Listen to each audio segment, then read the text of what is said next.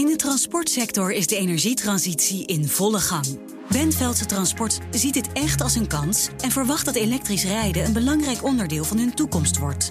Inmiddels rijden ze al elektrisch voor onder andere supermarktketens.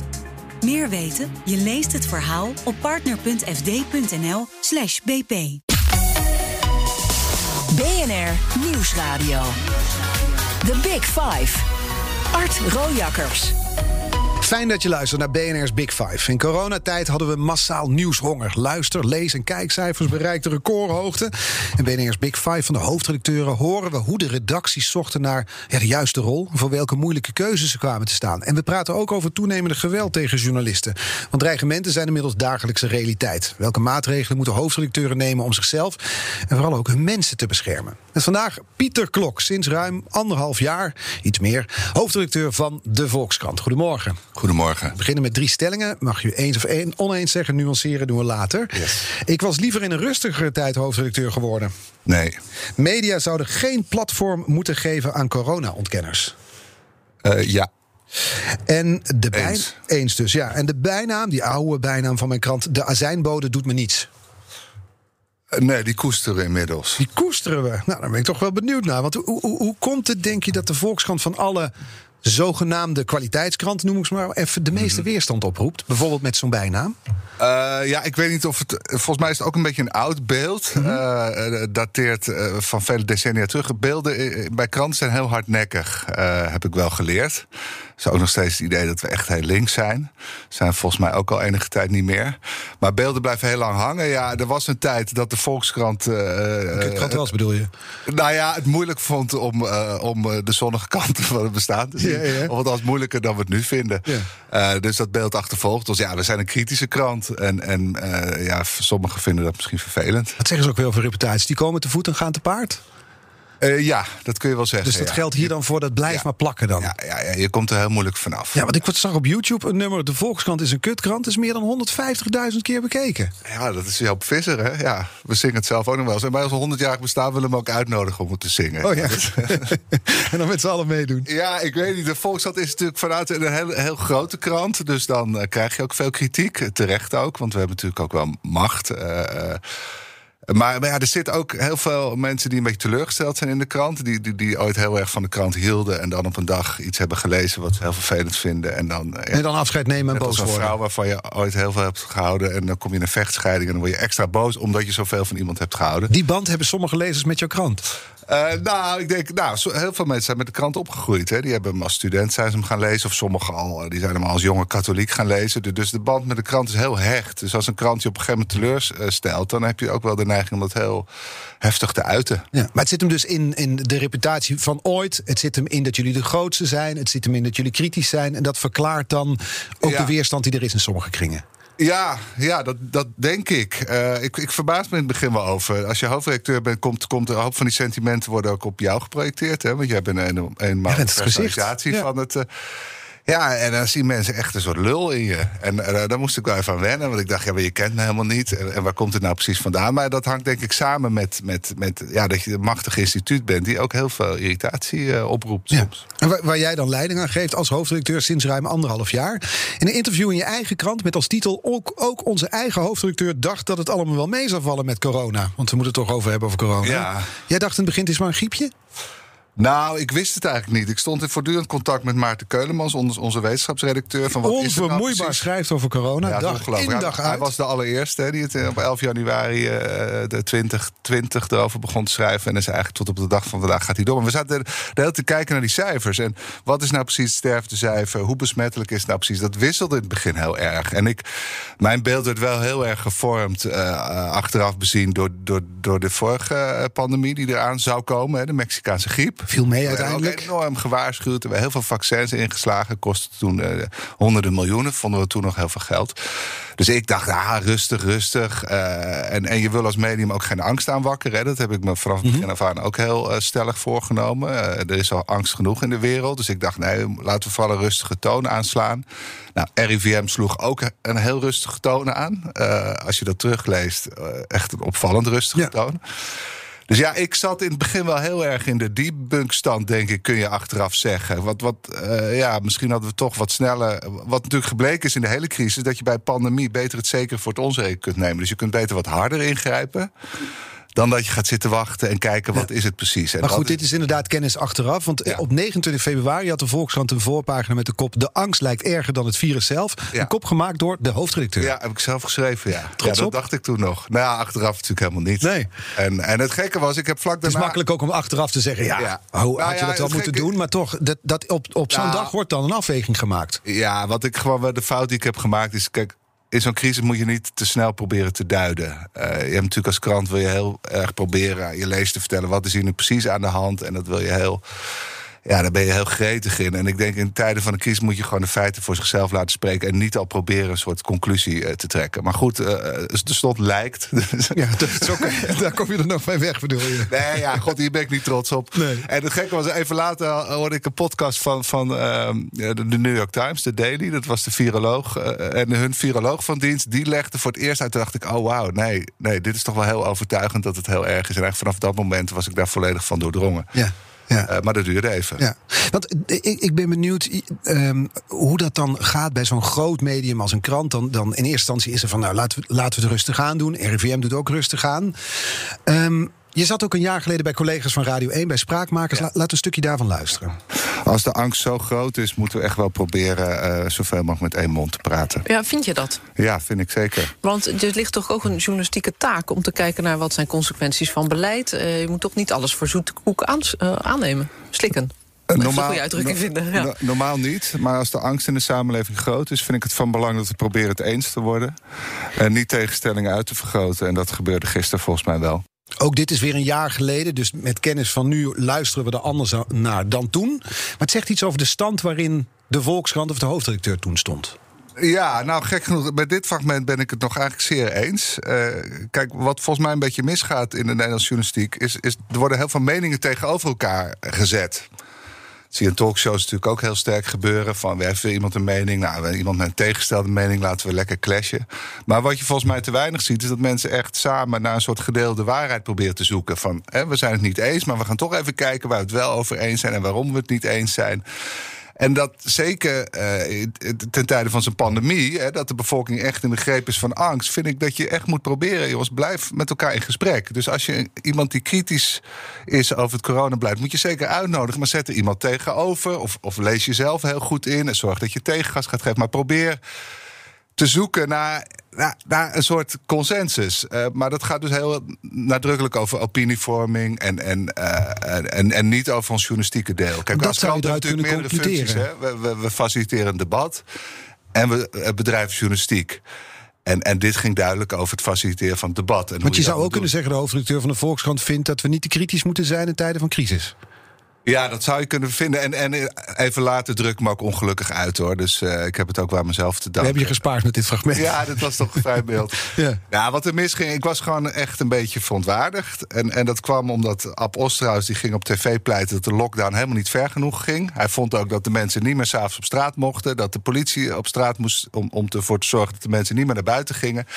Ja, en dat is een element van de lockdown. Eh, later ook de avondklok, waar ik altijd persoonlijk grote moeite mee heb gehad. Ik vind het toch een grote inbreuk in de, in de persoonlijke vrijheden van mensen. En dat, ja, daar was ik op dat moment echt oprecht verontwaardigd over. Ik dacht, ja, we gaan toch niet krijgen dat we s'avonds niet meer naar buiten mogen. Uh, ja, we kregen het wel. We kregen het eigenlijk wel. Nou, toen heb ik weer tegen gepleit. Ja, ik vind het nog steeds achteraf. Uh, vind ik dat een te zware maatregel. Kijk, de overheid mag adviseren, mag dringend adviseren. Maar echt verbieden om naar buiten te gaan. Ja, dat is toch eigenlijk een soort vorm van opsluiting. Dus daar had ik principieel bezwaar tegen. En, en, en daardoor reageerde ik te verontwaardigd. En dat was een van de lessen. Ik was toen ongeveer een half jaar hoofdredacteur. Dat als je verontwaardigd bent, dat je even tot tien moet tellen.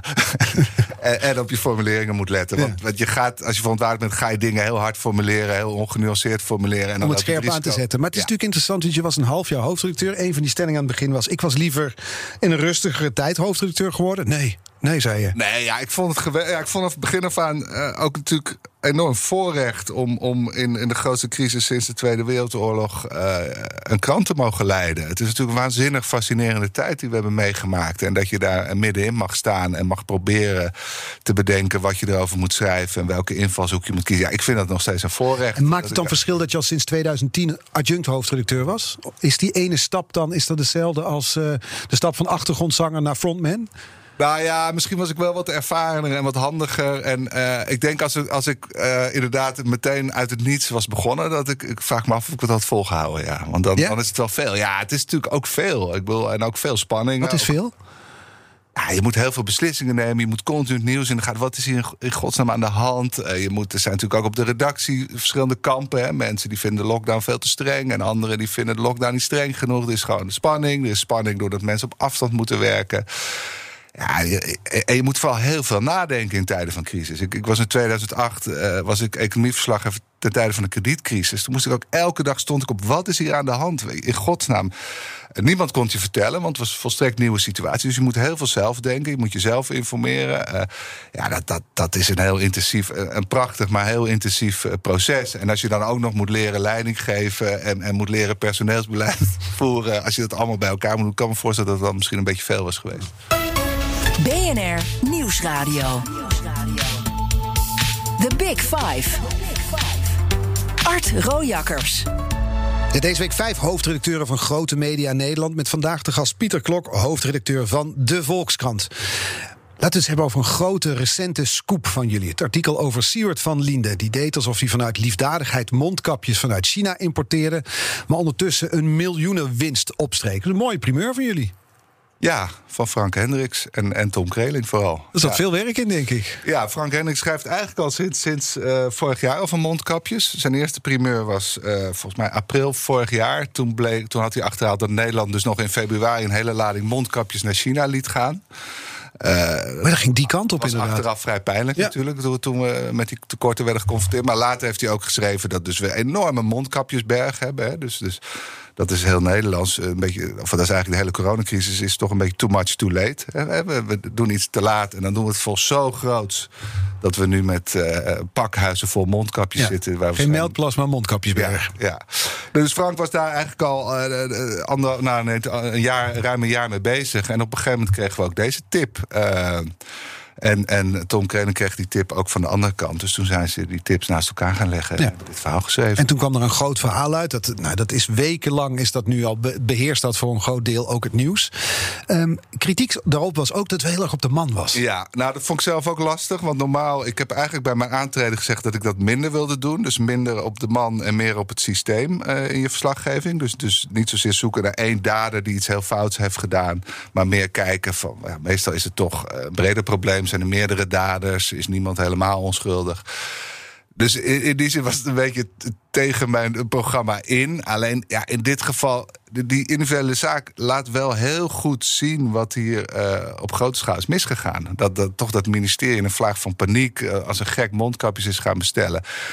En ook, ja, we weten dus niet precies nog wat de motieven van Siewert van Linde eh, zijn geweest. Dus daarom ben ik zelf wat voorzichtig met mijn oordeel. Uh, wat ik ook wel een beetje onaangenaam vind, is, is de hardheid en de massaliteit waarmee uh, ja, op, op iemand wordt gehakt, eigenlijk. Dat, dat moet ik zeggen. Maar goed, mijn redactie zegt dat ja, je komt altijd voor de underdog op. En, softie.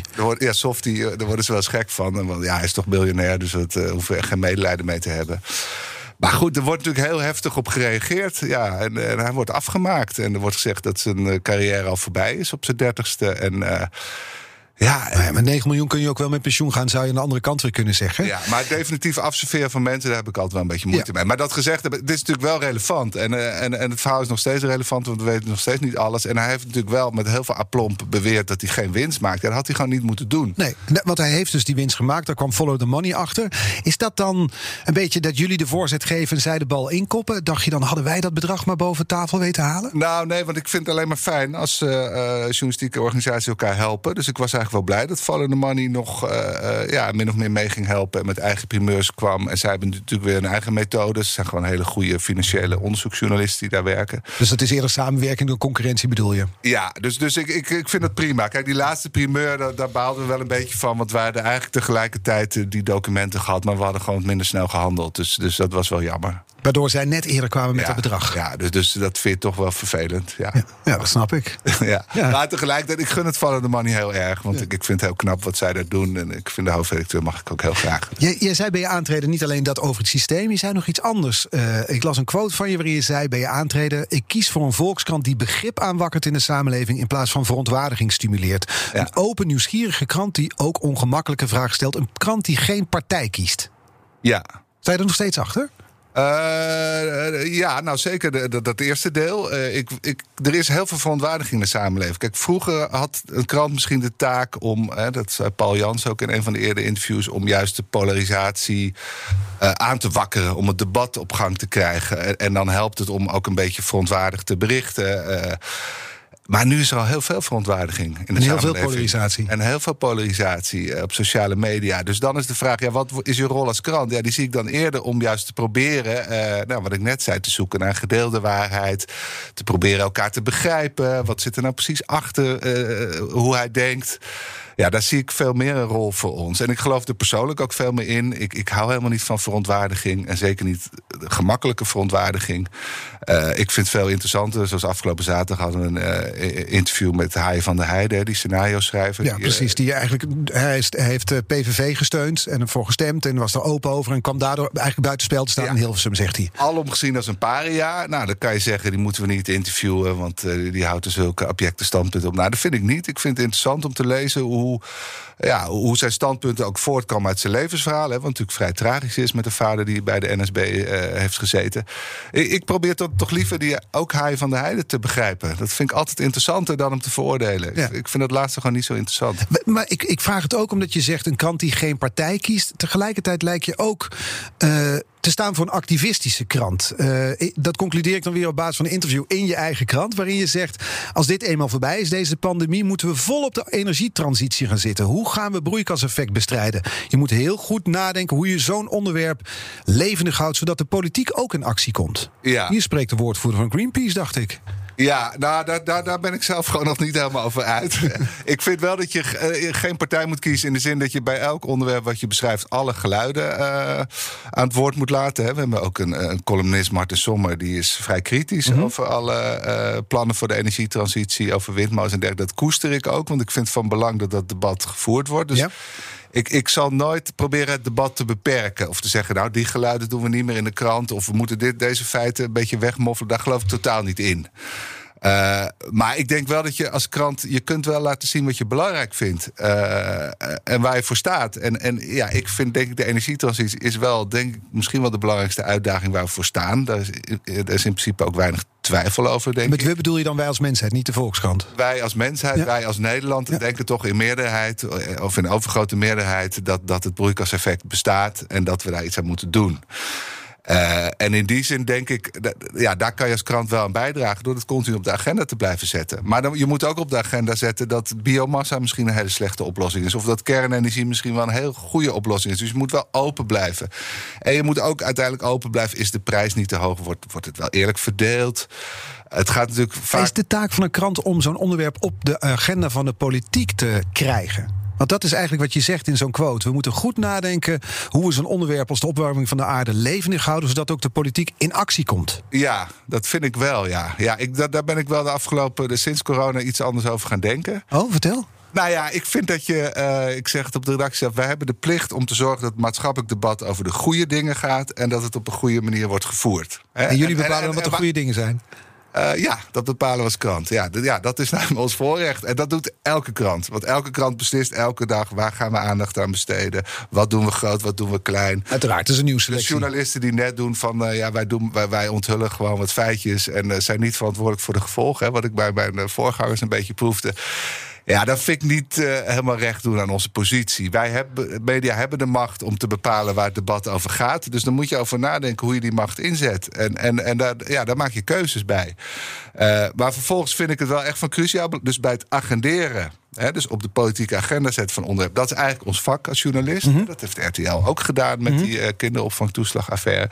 Dus waar het over gaat, daar ben je sturend in. En daar zit een keuze in. Ja, dat mag je activisme noemen. Ik, ik denk dat het gewoon het wezen van de journalistiek is. Daar ik gewoon beslissen. Mensen, dit is dit het belangrijkste wat in de wereld gebeurt. Helder. En hier moeten we het over hebben. Ja, aansluitend op dat onderwerp. Jullie hebben columnisten. En ik denk dat ik al weet dat het antwoord op deze vraag gaat zijn. Onze columnisten zijn vrij in wat ze schrijven. Maar mhm. toch een column van Asje ten Broeke. Waarin ze filosofeert over wat te doen als de mogelijkheden voor vreedzaam verzet tegen het kapitalisme en de bijbehorende CO2-uitstoot zijn uitgeput. Dan komt ze met de suggestie misschien wel een bom maken. Dat viel, dat viel te lezen als een oproep tot geweld. Ja, zo kon je het lezen. Ja, ik, ik, ik, uh, ik, ik schrok er ook wel een beetje van. Maar uiteindelijk concludeer het zit op het randje. Ze roept niet op tot geweld. Ze zegt, het is een soort hypothetische column. Hè, van, van is, is uh, blijven uitstoot van CO2... is dat niet veel erger dan een pijpleiding opblazen? Mm Dat is eigenlijk uh, de morele vraag die ze zich ja, zelfs pacifisten zien dat ver, gewapend verzet... in de Tweede Wereldoorlog nodig was. Vraag, had je Adolf Hitler op zijn vijfde moeten vermoorden? Hè? Dat, dat, is ook zo'n uh, klassieke ja. morele vraag. Of liefst misschien eerder al.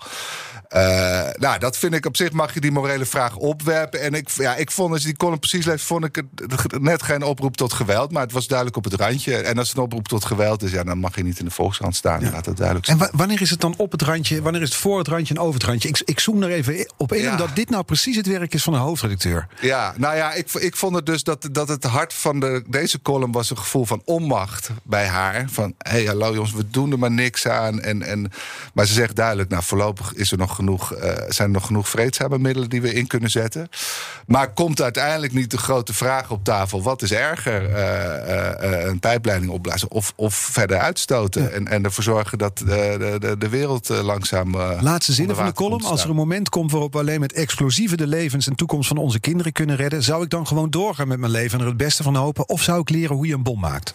Ja, dat is, nog, dat is nog een vraag. En dat is precies, dat is, het, dat, dat is precies het randje. Het, het is nog een vraag. daardoor kon het. Ja, ja, maar ja, op het randje. Ja. Zijn dat dan dilemma's? Want dat is dus het werk van de hoofdredacteur. Hoe, hoe, ga je daarmee om als hoofdredacteur? Lees je het dan drie keer, vier keer, vijf keer... voordat je beslist dit kan of dit kan niet? Uh, nou ja, in, in, dit geval, ja, nee, twee keer denk ik. Dat ik de eerste keer dacht ik, hè, wat moe, wauw, dit is wel, dit, dit, dit, ziet er niet zo goed uit. En dan lees je nog een keer, denk je, ja, nou, volgens mij kan hij net. Ja, dat, dat, dus je, je, je, probeert je eigen. Uh, ja, je, je, denkt er heel goed over na. Ja, want uiteindelijk is dat, zo zeggen ze het in het Amerikaans toch, de, de buck stops bij jou. Dus de, ja. uiteindelijk die beslissing ligt bij de hoofdredacteur. Ja, dat is ook het interessante verschil tussen een baan van adjunct hoofdredacteur, die ik negen jaar gedaan heb, en hoofdredacteur. Dan kon je hem lekker doorschrijven. Dan heerlijk, heerlijk. Altijd verschuilen achter zijn brede ik rug. op het randje, ja, wat denk jij? Ja, ja. ja nou, dat is heel fijn. Ja, dat is een klassiek verhaal over Obama. Dan op een gegeven moment hebben ze achterhaald waar Osama Bin Laden eh, zit. Of, of naar de geheime diensten denken dat te weten. Hè. Die leggen alle bewijzen over. Uh, en dan zitten ze daar in, in die uh, warroom uh, met z'n allen. Van, ja, wat zullen we doen? Hebben we genoeg bewijs om met speciale troepen daarheen te gaan? En, en dan wordt op een gegeven moment gezegd... Barak, ga jij maar even naar dat kamertje. En ja, nu sta je er alleen voor. Jij Succes. moet het beslissen. Succes ermee. En dat, ik bedoel, in mijn geval is veel minder dramatisch. Maar dat gevoel dat uiteindelijk is er maar één iemand die het definitieve besluit neemt. Ja, dat is wel een duidelijk verschil met als je een andere bestuurlijke functie hebt. Ja. We gaan er zo over verder praten. En ook de vragen waarom je vindt dat je eigenlijk geen radio-interviews meer moet geven. Heb ik dat ook al gezegd? Heb je ook gezegd, ja. We hebben het er zo over. Tweede half uur van BNS Big Five. BNR Nieuwsradio. The Big Five. Art Rojakkers. Welkom bij het tweede half uur van BNR's Big Five. Deze week vijf hoofdredacteuren van grote media in Nederland. Met vandaag de gast Pieter Klok van de Volkskrant. Die op een van de stellingen aan het begin van dit programma zei... en de stelling was... media zouden geen platform moeten geven aan corona-ontkenners eens. Ja, zeker. Uh, ja, volgens mij moet je dat de lezer niet aandoen. Ja, of althans, we, er zijn wel pogingen gedaan, hè, niet door ons, dat je probeert uh, Willem Engel te interviewen of zo. Maar de, de, interviewvorm is gewoon niet de geschikte vorm. Wat je wel moet doen, is de hele tijd kijken van zit er iets in wat hij zegt. als hij met feiten schermt, moet je kijken, is dat echt zo? Laatst uh, ging in omloop dat 11.000 mensen na vaccinatie waren overleden. Hè? Dus dat was weer echt een, een nieuwsfeit waar die uh, Willem Engels van deze wereld dan heel opgewonden over worden. Van kijk eens hoe dodelijk dat vaccin is. Dan gaan we dat wel uitleggen van hoe zit dat precies. en op die manier ja, geven ze dan een podium. Ik denk het niet. Maar ik begreep dat je wel een, een Zoom-gesprek met Willem Engel bijvoorbeeld hebt gehad. Is nou, dat dan om te kijken van verdien je een plek in, ons, in onze krant? Nee, nee, dat was eigenlijk op een gegeven moment stonden ze bij ons voor de deur te demonstreren. Uh, omdat ze boos waren op, ons. Omdat wij dus uh, de waarheid manipuleerden in hun ogen. Dus toen ben ik gewoon naar buiten gegaan om met hen te praten. Ja, en dat werkt toch altijd het best. Want dan zijn het ook maar gewoon vaak uh, enigszins beschadigde mensen. Uh, die, die allemaal zorgen hebben over van alles en nog wat. En die zorgen heel erg projecteren op, op die coronadiscussie. Dus ik vond het eigenlijk heel leuk om, om met die mensen te praten. Dus toen, eh, en, en toen vroeg even later een van die leiders, niet Willem Engel, maar uh, de man, het is een tweede man, zeg maar. Mm Die vroeg: Wil je nog eens een keer een Zoom-sessie met ons? Toen dacht ik, nou, dat vind ik wel interessant. Maar dat had geen journalistiek doel. Dat was meer om, om te leren begrijpen. Ja, in die zin wel journalistiek om te leren begrijpen hoe denken ze. Waarom uh, is hun wereldbeeld zo anders dan het onze? Uh, ja, dat vind ik, wat ik al eerder zei, ik vind het altijd interessant om te proberen mensen te begrijpen. Dus dat viel daar ook onder. Ja. Maar dat is iets anders dan dat je ze volgens gewoon de krant intilt en zegt: nou, nou dat vinden deze mensen nu eenmaal. En, en dat onweer, onweersproken laat. Ja, want in een dubbel interview met Hans Nijenhuis, collega van het AD, sinds oud-collega, hoofdredacteur daar. Uh, zorgelijk, zei je zorgelijk dat mensen zich krant, van kranten afkeren, maar ja, je kunt er weinig aan doen. Uh, ja, nou ja, wat je eraan kan doen is wel gewoon zorgen dat je het debat breed voert over allerlei kwesties. Maar, maar voor sommige mensen zal het nooit breed genoeg zijn. Als jij je online informeert en, en in allerlei complottheorieën gelooft, ja, dan, dan is het wereldbeeld wat de krant je voorschotelt, dat geloof je gewoon niet. En daar, dat is daar is vrij moeilijk wat aan te doen. Dus het enige wat je kan doen, ja, ja ik, weet, ik weet niet zo goed. Dat, dat, dat is het probleem wat we nog niet zo goed. Uh, Denk je daarover na als hoofdredacteur? Want je kan ook denken vanuit, oké, die groep geef op, dat, is gewoon niet, dat zijn niet mijn lezerspunt. Nou, ik geef nooit iemand op, maar ik vind niet dat je om uh, die mensen te bereiken uh, je journalistieke principes moet verlogenen. Dus bijvoorbeeld iemand interviewen alleen maar omdat hij veel aanhang heeft, die vervolgens alleen maar onzin uitkraamt. Dat is denk ik de, de crux. daarom vind ik niet dat je Willem Engel moet interviewen. Je moet wel kijken of hij standpunten heeft waar iets in zit. Maar je moet hem niet zomaar een podium geven.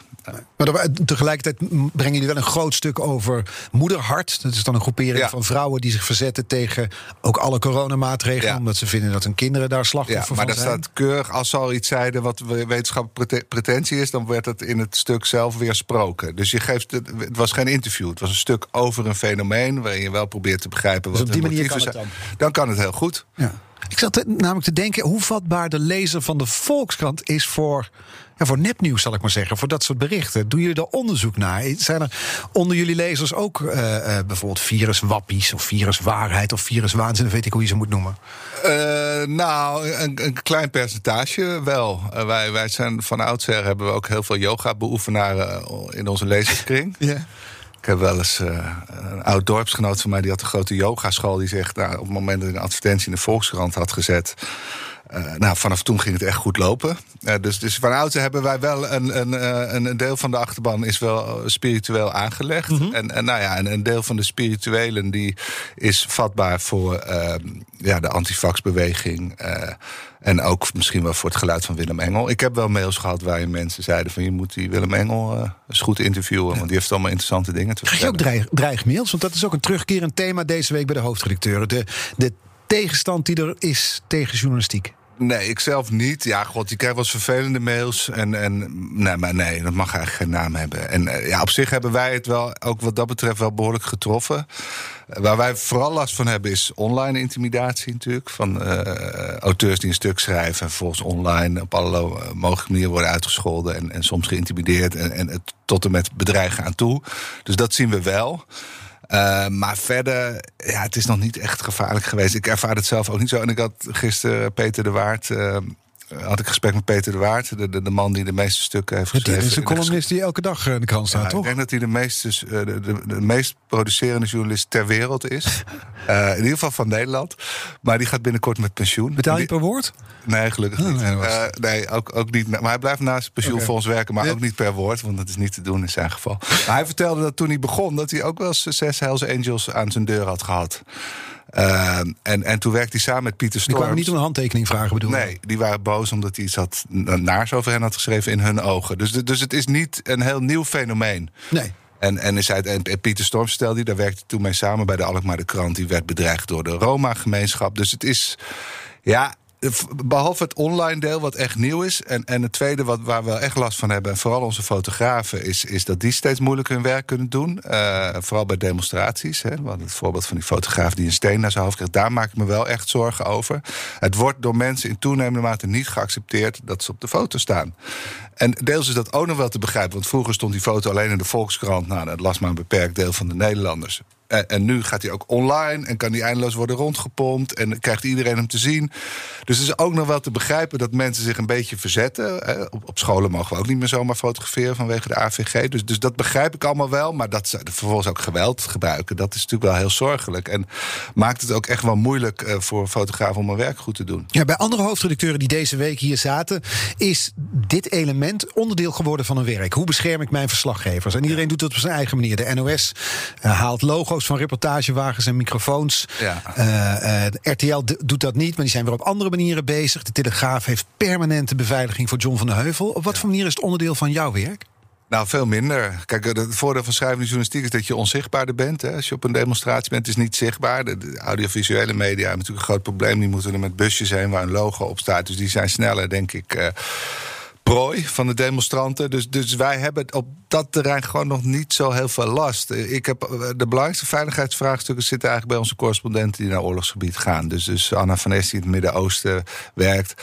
Dat zijn voor ons de, de, de, de, grote vraagstukken van kan je dat verantwoord doen? En zeker haar voorganger Remco Andersen, die is, die is bijna gewoon ontvoerd geweest, uh, meerdere malen. Uh, daar maken wij ons altijd wel heel veel zorgen om. Ja, maar dat is dan inderdaad in het buitenland. Maar hier in Nederland zijn Valt het vooralsnog mee. Dus ja. op de fotografen na. Ja. Dat heeft te maken met polarisatie. Dat kwam deze week verschillende keren voorbij. Toch, die, die weerstand tegen de journalistiek. Daar hebben we deze week over gehad. Iedereen ziet het probleem. Sterker nog, vandaag op jullie voorpagina polarisatie in het onderwijs. Ja. Uh, daarin werd beschreven dat uh, leraren sommige onderwerpen vermijden. Ja, ik vond het een heel zorgelijk stuk eigenlijk. Dat ik dacht, jeetje, wat, wat, uh, dat leerlingen niet eens meer uh, het belang van democratie zien. En dus ook niet het belang dat je gewoon, hè, wat ik eerder zei, moet proberen het eens te worden in een democratie. Dat je wel je mening mag uiten en boos mag zijn, maar dat je uiteindelijk wel probeert met elkaar in gesprek te gaan. Dat vind ik zo, zo'n basisvoorwaarde voor een democratie. Dat we dat wel blijven uitdragen. Jongens. We moeten met elkaar in gesprek blijven. Nou, als in de klas al is besloten dat gesprek is onmogelijk, ja, dan maak ik me wel grote zorgen over de toekomst. Je ziet mensen denken dat het debat is het uiten van een mening. Hè? Iemand uit een mening, iemand anders zet er een mening tegenover. Dat, dat is debat. Dat is geen debat. Een debat is dat je gaat praten met elkaar. En dat zie je in de Tweede Kamer ook steeds minder gebeuren. En dat baart mij echt grote zorgen. En, en ik zie het wel als rol van de krant, los van ons journalistieke werk, om te proberen dat debat wel gaande te houden. En, te voorkomen. en hoe doe je dat dan? Want als leraar vermijden dus bepaalde onderwerpen. Eerder deze week kwam ook het chilling effect voorbij. Ook bij journalistiek. Dat je bij sommige onderwerpen denkt... misschien moeten deze even niet aanraken. Ja, nou op de redactie is, uh, lukt het volgens Maar de emoties op de redactie uh, lopen ook wel eens hoog op. Hè? En dan, ja, dan probeer je toch met, met een beetje ironie... Uh, uh, grap te maken. Uh, ja, vooral proberen dat, dat, dat, mensen zich niet in een schuttersputje ingraven. Dus dat is op de redactie. Ja, en in de samenleving. Uh, over, over, wat voor onderwerpen lopen de emoties hoog op jullie op de nou, redactie? Over de, de, lockdown was het op een gegeven moment wel. Er waren echt wel twee kampen. En vrij emotioneel ook wel. En dus toen hebben we ook gezegd, daar hebben we een beetje spel van gemaakt. Het team IC en het team Café. Ja, om het, om, uh, ja dat is dan een methode om het, om het wat lichter te maken. Ja. En om het ook een beetje te relativeren. Kijk, ik geloof heel erg, en dat is ook een basiswaarde van de Volkskrant. Uh, volgens mij zijn we al lang al niet bij de azijnbode. Want volgens mij hebben wij de meeste zelfrelativering van alle kranten in Nederland. Zelfrelativering, ironie, met wat afstand naar jezelf kijken. Dat zijn fundamentele waarden voor een democratie. En, en, en dat zou iedereen moeten doen. Gewoon even jezelf niet zo serieus nemen in, zijn, in je eigen standpunt. Het is niet zo dat, hè, na een analogie van die leraren, dat jullie bepaalde onderwerpen maar niet beschrijven. Nee, dat doen we nooit. Nee, nee, dat heb ik nog nooit. Uh, nee, nee dat, het wezen van de journalistiek is dat je alles in principe naar buiten brengt. En alles bespreekbaar maakt. Maar dan gaat, dan gaat het erom hoe maak je het bespreekbaar. Uh, Paul Jans had uh, eerder het voorbeeld van asielzoekers die, die criminelen waren dan mm -hmm. we dachten, omdat de statistieken een beetje verhullend waren. Nou, belangwekkende onthulling moet je zeker brengen. Maar je moet ook wel meteen de context brengen. Hoeveel is het nou precies? Is het niet een één groep die het verpest voor de rest? Weet je, je moet het wel meteen goed brengen, vind ik. Dat het debat goed kan worden gevoerd. Bracht de Telegraaf het goed? Nou ja, kijk, Paul gelooft meer dan ik in, in polarisatie nog als middel. Ik vind de polarisatie in toenemende mate het probleem. Uh, dus uh, ja, ik zou daar denk ik iets andere keuzes in maken. Wat had je anders gedaan? Ja, het wat rustiger brengen. Wat meer uitleggerig dan, dan uh, bam uh, met chocoladeletters. The Big Five. Art Rojakkers. Je luistert naar BNR's Big Five van de hoofdredacteuren... met vandaag de gast Pieter Klok van De Volkskrant. Uh, gisteren was hier uh, Paul Jansen van de Telegraaf te gast. Hij kwam al een paar keer voorbij in dit gesprek. Hij had een vraag voor je, een kettingvraag. Dat was deze. Print staat onder druk. En mijn vraag aan Pieter is... Um, denk jij dat er over tien jaar... Uh, nog zes dagen in de week een papieren krant bij de mensen wordt thuis bezorgd. En um, Vind jij dat uh, bij uh, het antwoord op de vraag die in de uitgeefwereld al wel een tijdje gaat. Hè? In Amerika zien we ook dat er een aantal kranten zijn die niet meer zes dagen per week verschijnen. Of zeven dagen, hangt een mm -hmm. beetje van het land waar, waar je zit. Maar vind je dat, uh, dat bij die afweging alleen een kostenbatenafweging moet worden gemaakt? Of ook bijvoorbeeld journalistieke? Ja, ik, ik geloof hartstochtelijk in de papieren krant. Ik word uh, binnen het bedrijf al gekscherend de paperboy genoemd. Omdat, omdat mijn geloof zo ongebroken is. De softe paperboy, want je bent ook al een softie. Ja, ja, ja. ik weet niet hoe lang ik het nog volhoud. Maar uh, dus, nee, ik, ik, de krant is al heel vaak afgeschreven. toen ik in 2000 bij de Volkskrant kwam werken, zei Pieter Broertjes... we zitten op de Titanic. Hè, vanaf hier gaat het alleen maar naar beneden. Uh, Aanlokkelijk om dan hoofdredacteur te willen worden van Junk hoofdredacteur. Ja, maar goed, dat werd in 2000. Toen was er één bedrijf wat het heel goed deed. Hè, en wat aan iedereen ter voorbeeld werd gesteld. Dat was Nokia. En we moesten allemaal als Nokia worden. Hè, die maakte ooit laarzen en ging mobiele telefoons. Ze moesten allemaal een soortgelijke transformatie maken. En eigenlijk is gebleken in de, de 21 jaar daarna... Dat, dat, dat de kranten die zo dicht mogelijk bij een oorspronkelijke missie bleven... van gewoon goed je lezers informeren op papier en digitaal, die zijn het sterkst gebleven. Dus je moet altijd dicht bij jezelf blijven. En, en een krant lezen, een papieren krant lezen, dat is gewoon een geweldig ritueel. Je kan je even lekker helemaal afsluiten aan je ontbijttafel of in een café. Uh, het is gewoon iets van een fantastisch product. Nog maar het steeds. gaat langzamer dan misschien Pieter Broertjes dag, maar het is aan het afkalven. Het is aan het afkalven en gelukkig uh, winnen we er heel veel digitale abonnementen bij. Hè. Dat, dat, uh, we gaan weer, we stijgen weer. We zitten bijna op ons all-time high weer binnenkort. Dus het gaat heel goed met het aantal abonnees. Daarbinnen lezen steeds minder mensen papier. Of ze lezen door de week digitaal en alleen nog op zaterdag papier. Dus je ziet het wel afnemen. Maar ik denk niet dat het weggaat. Ik vind het ook heel jammer dat tijdschriften als Esquire en zo... dat daar de stekker uit wordt gehaald. Want ik denk dat er een soort... Ja, je gaat naar een, een nieuw evenwicht. Dat ligt lager dan we gewend waren. Hè. Dat, uh, vroeger dat iedereen nog een krant thuis had.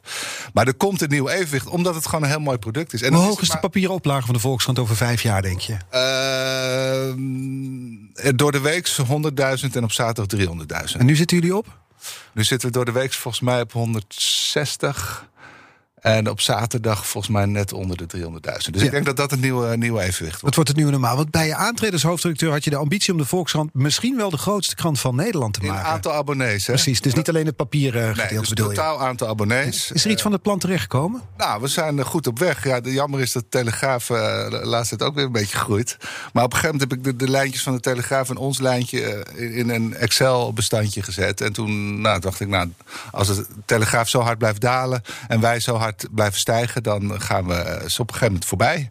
En dat hoop ik nog steeds. Maar uh, nou ja, goed, de Telegraaf heeft ook, uh, die doet het ook goed op dit moment. Dus ja. het duurt iets langer dan ik gehoopt had. Maar dat is nog steeds het doel. De grootste krant in abonnees van Nederland. Ja. Maar dan gaan jullie eigenlijk samen met Dagblad Trouw? Nou, nooit. Heeft dat, nee, want Trouw heeft zo'n eigen identiteit. En, uh, en, en die hebben ook een hele goede hoek. Hè? Een beetje op christelijke waarden geïnspireerde journalistiek. Ja, maar ze, ze, staan ook, ze gaan ook klimaat is belangrijk bij ze. Zingeving is bij jullie volgens mij ook belangrijk. Ja. Ja, maar we zijn allebei heel winstgevend. Dus, dus is geen. Dan de redactie samenvoegen aan de achterkant en dan twee etalages? Twee verschillende kranten door dezelfde redactie gemaakt? Ja, maar dat levert uiteindelijk niet zoveel op. We hebben in het verleden wel eens gedacht... ja, zo moeten we sport dan samen gaan doen. Of er werd van boven dan bedacht. Maar dat levert niet zoveel op. Dan bespaar je bij Trouw twee mensen. Maar het is veel meer waard dat Trouw dat op zijn eigen manier sport beschrijft. Die lezers hebben liever wat minder te lezen... maar wat wel heel erg duidelijk een signatuur heeft, geloof ik... dan dat je alles door elkaar heen gooit. Ja, maar van boven, dan bedoel je DPG, de, de uitgever. Zijn dit gesprekken die de uitgever zo af en toe bij jou op je nou, bordje gooit? Ja, de discussie over kopijdelen die wordt continu gevoerd. Hè. Je hebt natuurlijk... Uh, binnen AD en, en de regiokranten wordt gewoon heel veel uh, stukken uitgewisseld. Uh, binnen dus Trouw en Parool worden stukken uitgewisseld. Wij leveren ons stukken ook aan de morgen, hè, Belgische mm -hmm. titel. Dus dat is een continue discussie. En hoe ver, hoe ver kun je gaan met dat delen? Hoe ver zouden zij willen gaan? Wat geven ze aan? Wat, waar wordt wel eens over gedroomd van die managers? Nou, ze willen altijd iets verder gaan dan wij. Ja, ja. En wat is iets verder? wat stellen ze voor? Nou ja, dat onze interviews ook bij andere media uh, onder de aandacht worden gebracht. En uh, ja, daar hebben wij wel moeite mee. En bij andere media onder de aandacht wordt gebracht? Wat andere, betekent dat andere concreet? DPG-media, dus dat je op een site van andere DPG-merken uh, ook interviews van de Volkskrant kunt aantreffen. Bijvoorbeeld het laatste nieuws of Humo. Belgische titels die, die onze stukken gebruiken. Ja, daar hebben we continu discussies over. Van ja, moeten we dit wel doen? Want uh, digitaal is dat natuurlijk één wereld. Hè? Of uh, als mensen naar de site van de Humo gaan, gaan ze misschien niet meer naar de Volkskrant-site. Dus ja. daar, ja, daar hebben we continu discussies. Ja, maar vanuit efficiëntie zit er een bepaalde logica in om zo te denken natuurlijk. Ja, het bedrijf denkt snel, ah, ja, die mensen die op die site van Humo komen, die komen echt niet op de site van de Volkskrant. Dus, dus maak je geen zorgen. Dus ja, het is mooi dat je dat goede stuk nog een keer kan hergebruiken en dat dat veel meer lezers vindt. En dat is ook allemaal waar. En wat is het tegenargument van de hoofdredacteur van de Volkskrant Nou, in zo'n geval? Dat je identiteit op termijn ondergraaft. Als je stukken overal terechtkomt. Ja, het is een beetje. Uh, ik doe vaak het voorbeeld van Pierre Cardin. Dat was ooit een uh, zeer chic modemerk. Uh, tot, totdat de eigenaar besloot dat hij volgens mij ook bij de Aldi Pierre Cardin ging verkopen. En de Pierre Cardin lag op een gegeven moment overal. Ja, dan, dan, dan doet iets met de exclusiviteit van je merk. En dat is uiteindelijk niet, niet slim. Dus je moet wel blijven of... nadenken ja, hoe, je, hoe, je, je, hoe je merk of je titel, hoe je die beschermt. Ja, je verwatert te veel. Ja. Ja, ja, ja. Um, Jij zei nog iets anders ook bij je aantreden. Dat je je best ging doen om de diversiteit te bevorderen. Ja. Ja, doe ik nog steeds. Hoe doe je dat? Uh, nou, gewoon heel veel uh, vrouwen op belangrijke posities proberen te benoemen. En ook mensen met een wat andere afkomst. Ja, en toen dacht ik, dan had je ook kunnen zeggen, anderhalf jaar geleden, weet je wat? Er zijn er genoeg witte mannelijke hoofdredacteuren in Nederland. Ik nou, vind dat dit een vrouw moet worden. Ja, dat vond ik aanvankelijk ook. En ik heb ook wel geprobeerd uh, om iemand anders zover te krijgen om hoofdredacteur te worden. Oh? Dan zou ik die gaan helpen. Wie was dat? Die wilde uiteindelijk niet. Ah. Dat is Shaila, ziet als ik. Die wilde nog niet, of wilde nee, niet? Nog, nee, nog of helemaal niet. Die leek haar gewoon niet zo'n leuke baan, want je moet de hele dag vergaderen en zo. En daar heeft ze ook eigenlijk wel gelijk in. Toen dacht je, dan pak ik die strafkofee maar op. Nou ja, nee, kijk, ik, ik vind het een grote eer om leiding te geven aan de Volksraad. Maar ik, ik vind wel dat je continu de vraag moet stellen: ben ik nou de, de ideale kandidaat? Ik heb niet zo heel veel last van ijdelheid, denk ik. Dus uh, op het moment dat er iemand opstaat die het beter kan, dan uh, ga ik met groot plezier weer schrijven. Hoe, word je voor een bepaalde periode benoemd bij de Volkskrant? Of nee, uh... volgens mij niet. En, en vroeger was het natuurlijk uh, ja, vaak 16 jaar. Hè. De hoofdredacteur bleef heel lang. Het wordt wel iets minder, denk ik. ja, Hans Nijhuis gaat nu naar vijf jaar weg. Mm -hmm. Ik denk wel dat je houdbaarheid wat, wat beperkter wordt. Hoe komt dat? Ik denk niet dat ik 16 jaar ga blijven. nou ja, ik, ik ik denk ook, nou, wat Wouter Bos zei het in een interview uh, dinsdag in onze krant, ging het over ministers. Door, Mhm. mm -hmm. die totale, door die sociale media en die exposure die je continu hebt. De omlopensnelheid is groter geworden. Ja, zowel voor politici, maar misschien wel voor iedereen die, die, die, die in de publieke ruimte acteert. Dat je, uh, ja, je, je bent zo aanwezig, de mensen reageren continu op je. Misschien is het op een gegeven moment gewoon klaar. Ja, net als bij. Uh, uh, Netanyahu hebben ze nu ook besloten dat het klaar is, hè, geloof ik. En ja. bij Mark Rutte waren ook best veel mensen die dachten dat het klaar was. Op een gegeven moment is het misschien wel op. Ja. En, en ik, het klinkt ook als je het zo uh, benoemt en opsomt... dat de functie van de hoofdredacteur daarmee ook zwaarder is... dan die twintig jaar geleden was. Omdat uh, dit element erbij is gekomen. Nou, het is ingewikkeld omdat je meerdere podia bedient. Hè. Je maakt niet meer alleen een krant, je maakt een site, je, je bent op sociale media actief. Het is gewoon echt heel breed. En bent meer kop van jut dan je ooit en je bent meer kop van jut. Je krijgt natuurlijk door sociale media meer, meer troep over je heen. Nou goed, dat kan ik allemaal prima hebben, dus daar leid ik niet onder. Maar, maar het blijft op een manier wel aan je kleven. Denk ik. Op een gegeven moment, dat zie je bij Rutte ook. Als je iets lang doet, dan heb je op een gegeven moment zoveel aan je kleven. Ja, dat het misschien goed is dat er even iemand, uh, een nieuw iemand komt die weer even schoon en onbevangen naar ja. dingen kijkt. Rutte moet opstappen, vind je? Nou, dat vind ik niet. Daar vind ik niks van. Oh. Nee hoor. Nee, ja, ik heb persoonlijk een zwak voor Rutte. Okay. Uh, maar goed, ja, nee, dat moet de politiek beslissen. Ja. Ik, ik, ik, zei in die aankondiging dat je eigenlijk vond dat je geen radio-interviews meer moest doen. Ik had begrepen dat je dat had bedacht na vorig jaar bij Spraakmakers. Maar ik vind dat je dit uur, mag ook wel een compliment geven, toch? Dat je er goed vanaf hebt gebracht. Oh, nou, dat is leuk om te horen. Kan we vaak. Ja, kijk, ik, ik heb één grote valkuil en ik, ik, weet niet of ik daar nu weer in ben getrapt. Ik ben graag uh, zo eerlijk mogelijk. En, uh, en ik ga er dan vanuit dat mensen dat wel begrijpen. Ja, maar dan wordt zo'n zinnetje uit zijn context gehaald en dan hoor je het overal weer terug. Ja, en ik probeer ook altijd nieuwe zinnen te maken. Dus niet in standaardverklaringen te praten. Maar dan loop je risico, want dan uh, roep je soms iets waarvan je achteraf denkt: oeh, ja, nee, dit was net niet zo slim. Nee. Wil je ergens op terugkomen? volgens mij valt het wel mee. Oké, okay, ja. Maar goed. Het was een plezier om naar je te luisteren. Je mag nog een kettingvraag stellen. En dat is de vraag aan de gast die hier morgen komt. Corine de Vries, hoofdredacteur van regionale dagbladen bij Mediahuis. Oud-collega ook. Ja, ik heb negen jaar lang met veel plezier met uh, Corine in de hoofdredactie gezeten. En wat zou je van haar willen weten? Nou, ik wil dus vooral weten wat ze, uh, wat ze mist uh, nu ze niet meer voor de Volkskrant werkt. Maar ook wat ze absoluut niet mist nu ah. ze niet meer voor de Volkskrant werkt. Ja. Uh, ben ik heel benieuwd naar. Dat ga ik er voorleggen. Wat voor collega was het in de hoofdredactie? Nou, e- enorm harde werker. Uh, echt iemand die bergen kon verzetten. ook iemand die niet terugdeinsde voor een moeilijke boodschap. Ja, en ook iemand met wie je lekker uh, Robertje kon vechten als het uh, moest. Ze, ze, was nooit bang voor een felle, stevige discussie. En daar hou ik zelf ook heel erg van. Dus mm -hmm. ik heb altijd echt met veel plezier met haar samengewerkt. Ja, nou, morgen is hier dus de gast Corine de Vries, hoofdredacteur van de regionale bladen, dagbladen, excuus, bij het Mediahuis. En vandaag was mijn gast Pieter Klok van de Volkskrant. Wat nu meteen met gezwinde spoed naar de redactie?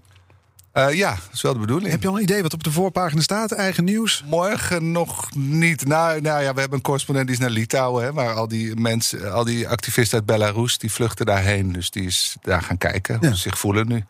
En niemand mag Belarus meer uit. Hè, dat is vrij pijnlijk. Mm -hmm. Dus je kunt er gewoon, als je activist bent, kun je gewoon niet meer weg. Nee. Nou goed, hij gaat het nu een verhaal vanuit Bellen, uh, Litouwen maken. Oké, nou, we lezen het morgen in de Volkskrant. Dank voor de komst. Pieter Klok, hoofdredacteur van de Volkskrant.